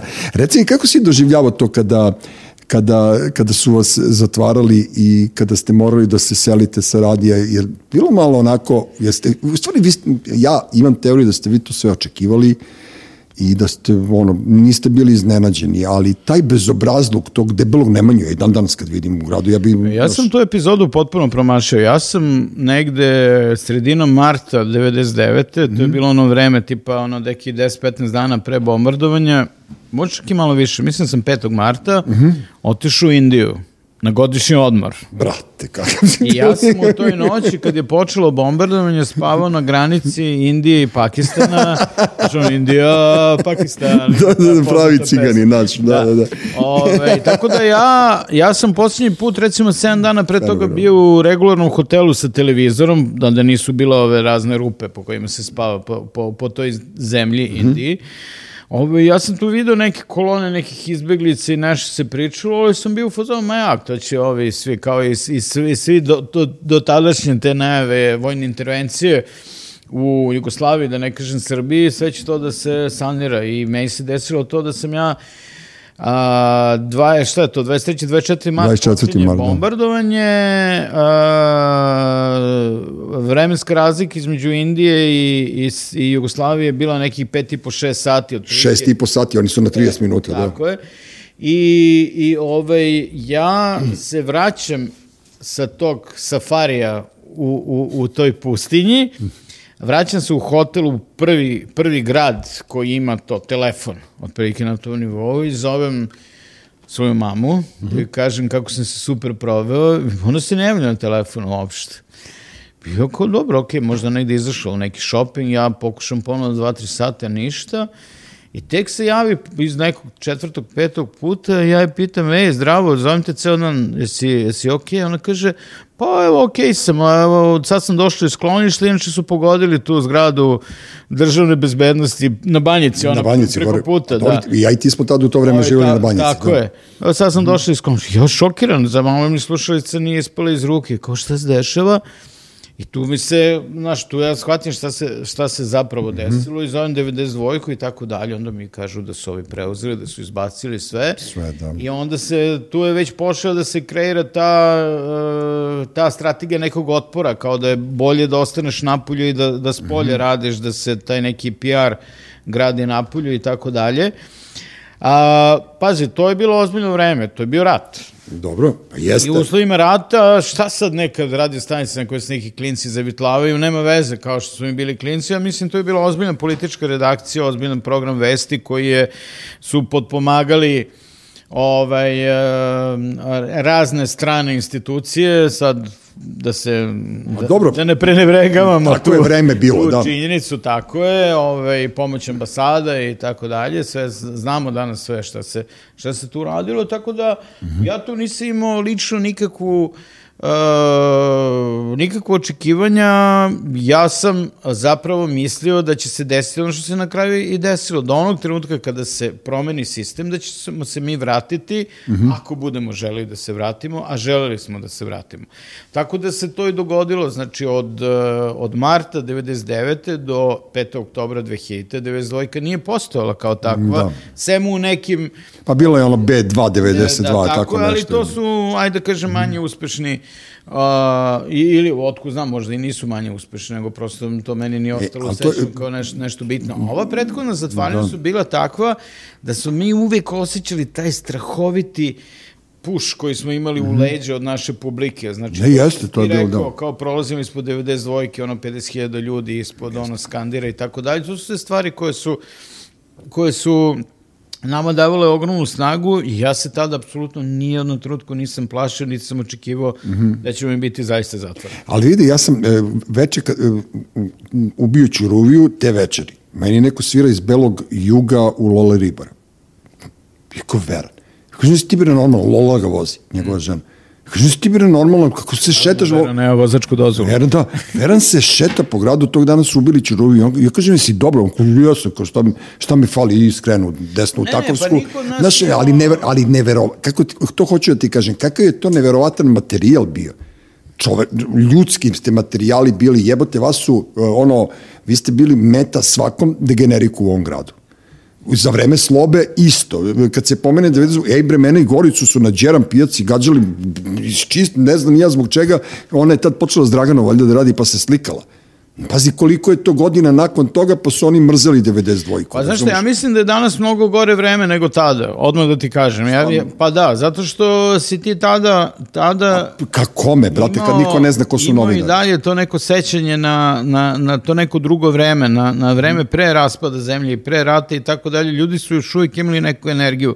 Znači, ova vrsta mentalne poremećenosti, apsolutno 90% nacije u kojoj mi živimo danas, ova priča sa Rusima, Putinom, Kosovom, uh, ne znam, ono, nastavite dalje. Svi ovi Info Srbija, Srbi Info, RT, Rus, DPZ, da, da, Teša, da, Tešanovi i tako dalje. Sva, sva ta, svi ludaci, svi ludaci da, da. pušteni sa lanca, upravo zahvaljujući toj slobodi koju mi je dao internet, koju mi je dao telefon, koji, koji, ovo, streamovi i, i, i sve ostale, sve te tehnologije koje tada nisu po, Ali oni potpuno divljaju, znaš, oni su van svake kontrole, mislim, Tako je, ali to, s druge ja strane ima da neko oni, zao koji kontroliše, naravno. Ja mislim, naravno. da, ja to sam hteo da kažem, ja mislim da oni ne da nisu uh, van svake kontrole, nego su oni svi vrlo kontrolisani projekti uh, tog nekog uh, vrhovnog mehanizma mm. koji upravlja Srbijom, da ja znam od 87. godine, znači od osme sednice, to je pomenuta DB. DB. Da. Tako je. Znači ono, znam da ono, ne, ne, ne bih da zvučim kao teoretičan zaver i paranoik, ja, ja prosto mislim da smo mi ovde mi svi živimo s ovo vreme u jednom ogromnom eksperimentu i gde, gde se vrlo lako mogu kontrolisati stvari koje su zaista opasne, koje su suštinski opasne, isto tako se vrlo lako mogu gurnuti napred u, u u, u svetloj javnosti stvari koje mogu da doprinesu toj opštoj konfuziji i da. tako dalje. E pa mi, mi smo tak, mi smo iste generacije i naši, kod nas je još uvijek postojalo to da, da radimo neke stvari besplatno i da, da radimo neke stvari iz ideala, iz, iz ideala, razumeš? Sada ja mislim da to više nema i mislim da, da taj, um, posle ćemo pričati, hoću naravno da, da pomenem i taj tvoj ja mrzim tu reč aktivizam, ali prosto to je to, ali mislim da ceo taj aktivizam je instruisan, e, ne znam, to što ti pričaš meni se ni malo ne sviđa, ali tačno da postoji jedan jedan, jedan, jedan mozak centralni koji se ima jebe kevu. Pa ne, nego ti kažem, prosto, prosto to, je, to je to.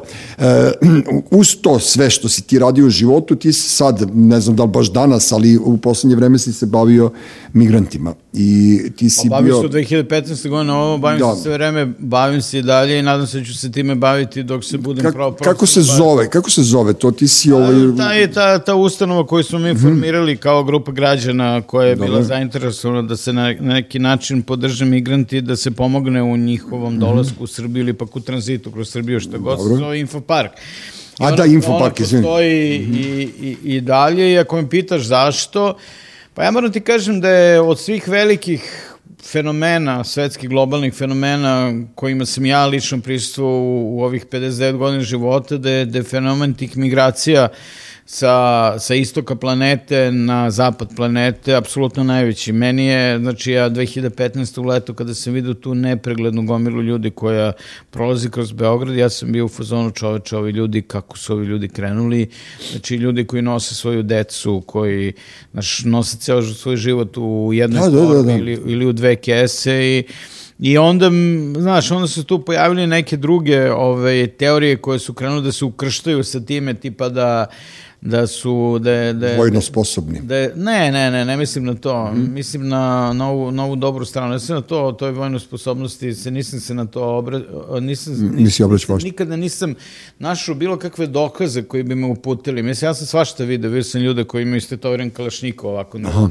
odavde do gore, ali why not? Kao ako on bio Sirijac koji se borio za za svoju zemlju i proveo pet godina na frontu, onda kao što... Logično. Da, da, šta, da. Šta, šta drugo možda ima istetovirano. Ali sam prosto sreo ljude koji su hteli da se sklone iz tog nekog uh, trusnog životnog područja, iz, iz života koji je apsolutno nestabilan i koji ne vredi ništa i da se sklone negde u neku drugu civilizaciju koja je i tekako doprinula da njihov život bude tako nesiguran kako jeste. Dobro. A to je to je zapadna države, civilizacija naravno, naravno i onda u fazonu why not kao. Tako da mi smo tu upoznali neki izuzetni ljude u svemu tome ljude kakve verovatno nikada neću, neću, neću ponovo sresti u svom životu. Upoznao sam ljude za koje nisam znao uopšte da postoje. Upoznao sam hrišćane, jermene iz Alepa koji su, kako se zove, rođeni negde tamo u Africi u nekoj, nekoj jermenskoj zajednici, u nekom Nairobiju, na primer, koji su završili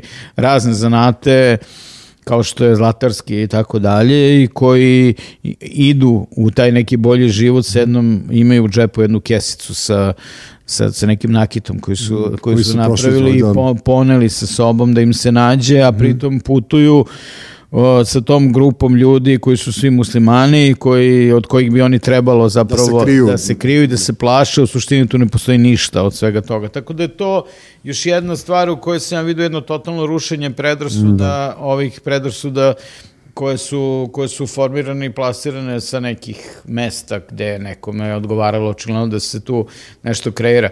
I ja mislim prosto da mi takav fenomen, da, da jedna tako velika grupa ljudi, do sada u Evropu ušlo preko 2 miliona ljudi iz Toliko. Sirije, Afganistana, Irana, da, da, naravno, možda čak i više, ali... Ono... Čekaj, preko Srbiju, mislim da si baš tebe čuo da je prošlo nešto oko 60.000 tada, pa je, ali si prograzirao da će više. Prve godine prošlo da. preko milion prve godine prošlo preko, kroz Srbiju. preko milion kroz Srbiju. Tako. Misliš, po, ono, uz, pored tebe, pa, tu si ti uvučen. Pa takozvana balkanska ruta. Da, da, da. da su Gde su otišli oni? Beograd.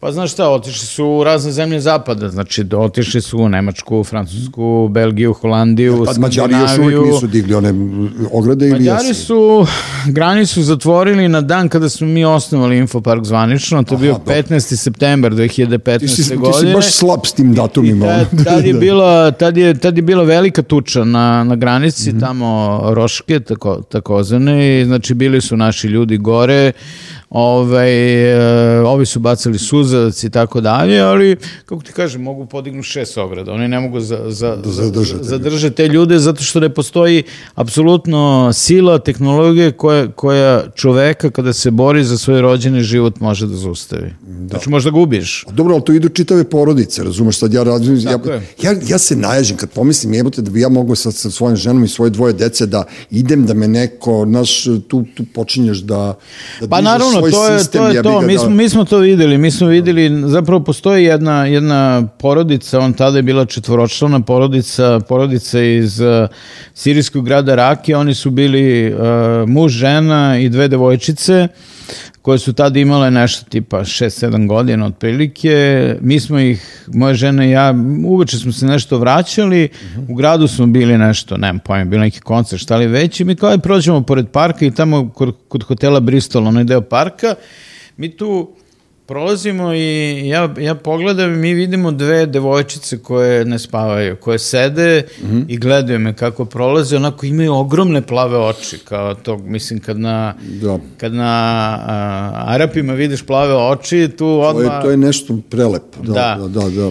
I, i ovaj, mi priđemo i niko od njih ne govori engleski ništa, mi uspemo da se, da se sporazumemo sa njim i odmah odemo donesemo im neku picu, ovaj, da imaju šta da pojedu, odem do kola, neku ćebad nađem u kolima pa im, pa im damo i dogovorimo se da ćemo sutra, on, nekako smo shvatili da oni sutra idu na autobus, idu dalje, idu za, za Budimpeštu i mi odemo pre toga, napravimo neki ručak tu njima, napravimo onako sve to, mm -hmm. postavimo da to bude dostojanstveno i, i, i vredno čoveka, znači nije sad da si mu kupio tri sendviča da, pa kao kesi, nego kao da. sve ono, sve lepotenjiri, sve to mm. našli, kako se zove, neku neku, neki falafele, neki humus i nešto, oni ono, Boga ljudi zaplakali i tako dalje. Da.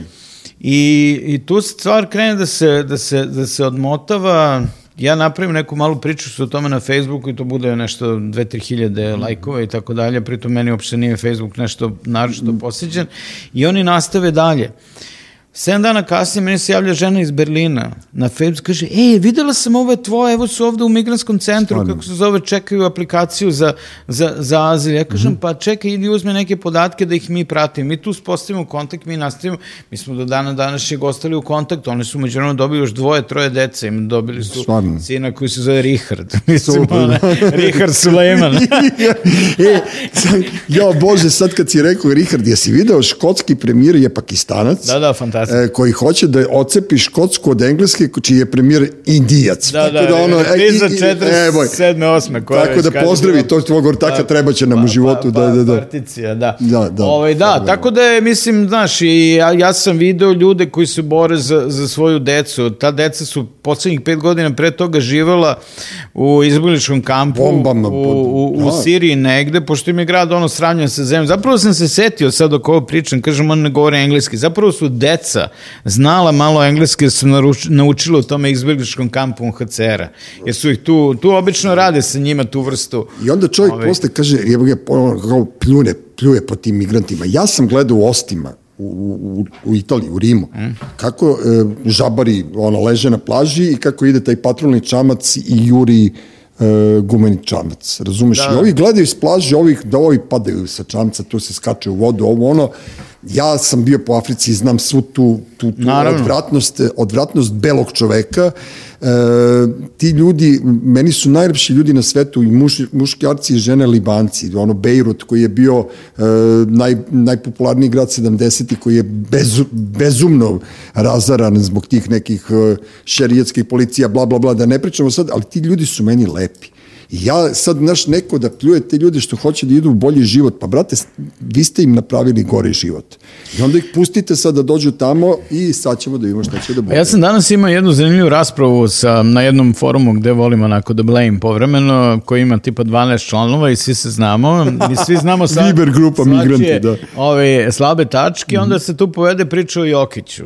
Znaš, Jokić dobro, kao MVP, Jokić, da, ja okay. kažem, pa dobro Jokić, ok, ko voli Jokić ga voli, za mene će, za mene će Janis Kumbu uvijek biti kao broj jedan. Dobro.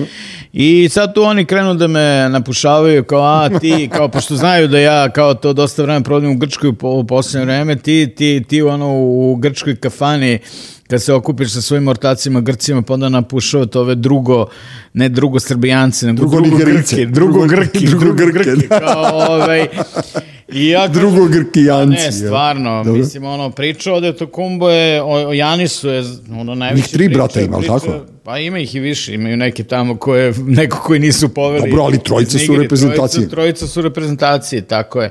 Ovaj, jer je on dečko rođen, znači, o, kao uh, dete nigerijski, uh, nigerijskih izbeglica u Atini. Mm -hmm. I sad, sad ono, a, ako mislite da su Grci, da su Srbi ono, rasisti isključivi prema ljudima druge boje kože, idite malo u Grčku. Da, da, da, Grci su još gori. Kako to, kako to izgleda, znači oni su rođeni u apsolutnom getu, a Detokumbo je odrastao, Janis je odrastao tako što je prodavao naočare za sunce, flipere i kožne torbe na glifadi. Dobro, da. Da bi, da. da bi se prehranili na ulicama, znači to on je dete ulice Atine. On je, sa de, on je do 19. svoje godine bio stateless, znači bio bez državljanstva. Bez, bez, bez adrese, da. Imao da. Niger, nigerijsko državljanstvo, nimao jer nije rođen u Nigeri. Grci mu nisu dali. Tek kad je postao Košarkaš. Košarkaš, on je postao nešto i on je kao sportista, apsolutno fantastičan, bez mm -hmm ikakve mrnje na karijeri, ja ću uvijek da najavim za tog čoveka. No, Mislim, super je, ne, ali, sad kad si rekao... Ne govorim protiv njega, ali, ali prosto za mene to što on Srbi ne znači, ne znači ništa. Ja sam proveo dosta vremena u Atini, pošto je Atina Luka, ono, pire i, i tamo ima užasno puno tih e, sudbina, tih priča, e, po sintagmi, po omoni, ih je prepuno, po glifadi su, ti su još dobro prošli, koji, kakvi su dole po tim trgovinama. Pa ne, išao na glifadu zato što tamo ovi da. malo da, da više pa ne, do, srednja neki, klasa koja da, kupuje kao točku. Ja, šta se da ti kažem, kad sam te vidio poslednji put, bili smo u, u opštini Vračar Vino, pa si nešto muljao, pa si mi objašnjavao da u stvari ti si sad postao stručnjak za vino. Ma gde sam posle Onda si me ložio, ja, bio si nešto... Ja, ja zapravo ne, pitao, potpuno... Nije, pitao si, pitao si devojku koja ti je sipala vino, nešto si je pitao pametno. Stručno. Stručno, da. Pa ne, zato što stvarno posle svega, ono, kako ti kažem, dovoljno sam mator da, da kao iskustveno poznam neke stvari, znači... Dobro. A, znam gde si me vidio ispred kog stana. Znam, ali si neke... zazvučao pametno. Re, relativno. da. Zvuči za razliku od...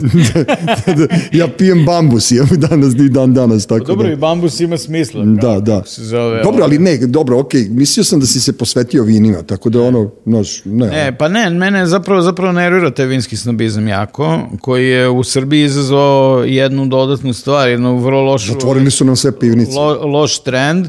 Nisu zatvorili pivnice, pije se pivo i, i tekako, ali a, ne, vino, vino ide, srpsko vino ide cenovno u neke nenormalne... Da, to sam primetio, malo, znači, malo, bah, malo, znači malo sad ako, da. ako, ako podrum nema vino koje košta 4000 dinara boca ili 3999, onda to nije podrum, to je neka sirotilja. Jeste. Ove, tako da, da ja sam trenutno u fazi totalnog bojkota srpskih vina, sem nekih neka dva, tri, ajde da kažem, prijateljska podruma, kao što je Ivanović iz, kako se zove, Aleksandrovca mm -hmm. i tako dalje. Ja Radovanović koristim u gajbi. Ne koristim Radovanović. Dobro, dobro, dobro. Posle, će, posle ćemo da vidimo ko je, ko je koga da precrtamo. Da. Prilično me resetovalo to što se ja, ovaj, što, što je meni od 2015. to Grčko ostrovo, taj Limnus postao važan mm. sastavni deo mog života. Ja tamo kupujem uh, jednu kutiju od 5 mm -hmm. litara vina, onu sa, kako se zove, sa, sa slavinicom. Dobro dole, ono, da, da, jeste, dobro.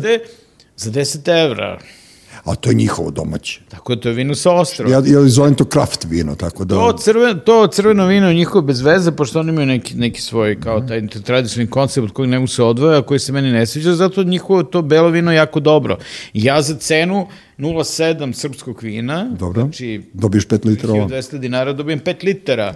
Vina koje je jednako dobro, ako ne i bolje, izvinjavam se. Dobro, a gde, gde odakle im to grožđe kad tamo ono prži sunce po cele pa, godine? Sa tog ostrova, to mm. ostrvo je imalo tu sreću da je, mislim, ako se može nazvati da. srećom, da je, nema tu hladovine nikako, tu to... prži sunce, to baš tako kako si rekao. Ovaj, da, da je posle drugog svetskog rata tamo bila ta centralizacija upravljanja, pa su između dva ostrva Limnos i Lesbos, oni odlučili da se na Lesbosu zasadi milion stabala maslina, pa sa, sa Lesbosa stiže maslino ulje, a da se na, na kod mene na Limnosu a, gaj grožđe. grožđe. I da se to grožđe koristi za cipura, odnosno lozovaču, i za, i za vino, uglavnom za belo vino, belo vino dominantno. Meni to vrlo odgovara, da. pošto ja imam kao maslino ulje, pa ga imam i ne bi se cimao oko toga, ali, ulje, ali zato da. ovaj, kod, kad odem kod ortaka Aristidisa u podrum i lepo za 10 evra mm. kupim peticu, belu. Da, da, da. da. Dobro, jesi, ti si mater, tako da ne moram da ti kažem magične reči, ono sa parakalo profilaktiko, to je prvo što naučiš da, kad da. odeš na Mikonos, od svoje vremena kad smo bili mladi i ludi, ove, a to mi je super, koliko provodiš tamo, šest meseci, ja sam, men, men, meni je mjehur, ja mislim rekao da si ti stalno tamo, tako da ono... Ne, nisam, to, to, to odaje takav utisak da se ja tamo više nego što jesam, evo sad sam u Beogradu, bio sam do pre dve nedelje tamo, pa ću ponovo da idem tamo oko Uskrsa, kad je u Grčkoj predivno Soko ko je bio u, u Grčkoj za Uskrs. Lepo vreme. Ono ne može to da, to da propusti i volim da budem tamo, prosto mi prvo mi zdravstveno prija, mm -hmm. više nego bilo šta. Ne volim tamo da budem kad je visoka sezona. E, znači, ćeš ono avgust... na 45 stepeni. A nije samo 45 stepeni, imam gde ja se sklonim, kao nije, nije, nije to problem. Mislim, moja kuća je kamena, ima zidove 60 cm, da. meni unutra nikad nije više od 20-25 stepeni, tako da da ne moram ni klimu da palim ni na, ni na 40 stepeni, ali, ali se radi o tome da, da ne, ne podnosim tu gužvu. Mm -hmm. Mi smo u suštini, iako fizički mi nismo malo ostrovo, mi smo deveto najveće ostrovo u Grčkoj, mi nemamo puno kapaciteta i nama tamo nagrunu ljudi, uglavnom nagrunu od 1. do 15. aprila i tad bude uh, avgusta, bude mnogo nepodnošljivo. Ne možeš da odeš u kafanu, ne možeš da nađeš mesto. Dobro, šta ćeš u Beogradu je najlepše leti. Uvijek da, ja sam, ja, sam, ja uvijek dođem ono, u avgustu u Beograd, kad da. je Beograd prazan i najlepše. Najlepše, avgust u Beogradu, ono, nije april znači, u Beogradu. Grad kakav treba da bude. Ka... Pa, grad po meri, na našoj meri, sedimo po kafićima, blejimo, da. odemo da. do taša, okupamo se malo ade, ti voziš bajs, ne, ne prestaješ, tako da ono, i danas po ovom vetru si došao bajsom, tako da ono, u zdravom telu, zdrav duh, malo insulin i, i, i, i peglamo dalje. Udri, udri, da, da, da. Ovaj, hvala ti, Gordane. Mm. E, baš mi onako, ne znam, volim da, e, hvala da, tebi, pri, da pričam. Uh, pa dobro, ja mislim da mi nemamo potrebe da ulazimo, ba, zapravo ne znam šta bi se raspravio s tobom, mislim, ili ti pa samo... Nemamo, mi, ja, ja, ja ti jednu, jednu stvar mogu samo da kažem, ljudi koji su odrasli, koji žive u Beogradu, nemaju o čemu da se raspravljaju. Mi smo svi, u stvari, idemo ka istoj stvari. Mi svi hoćemo da živimo u normalnom gradu, hoćemo da živimo u normalnoj sceni, da nametnemo nešto svoje, a sad šta se tu dešava, da li je neko uspeo da ubaci crva u nas, mislim da su poklekli kolaboracionisti, oni koji su rođeni loši, a mi koji smo rođeni dobri, mi smo uvijek Crvi u jabuci. Crvi u jabuci, da je. Naše, da, da vratimo te crve u jabuku, a, ovaj, a tebi ono, želim prvenstveno da budeš živ, zdrav, veseo, da, da, nasmejan, da, da, da, da, da u jednom trenutku ono dopustiš nekome da ti pusti neku muziku i eto, to bi bio vrhunac tvoje tolerancije, čak i bolje od ovoga što Kako radiš ne, migrantima. Pa ja, da, ja u... da ti recimo ja pustim ono Ramonse, duže od 15 Do... minuta. Mislim da bi, da bi umro, ali neću. Ne, ne bi umro uopšte. Kako se, čak što više čuo sam ih pre neki dan, ima naš što zove rock, da, rock, ja, rock radio. Da ti kažem iskreno, ja, i, ja i dalje mislim da si ti ono, da si ti ono iz Božinog legla, tako da ja ovaj, vas... 50, mara, 50 evra, 50 marak za, za... ja nalepim da ćeš ti meni da pustiš šta ja god hoću, a drugo vi ste ono dovoljno bezobrazni da me oduvate, tako da ono naš, treba imati iskustvo poživjeti u gradu među ovakvim ljudima. E, podcast Treći svet svet, e, Uroš Bogdanović, Dolin Dejković, gost Gordan Paunović, uživajte, vidimo se. Ćao, čao. Treći svet. Treći svet.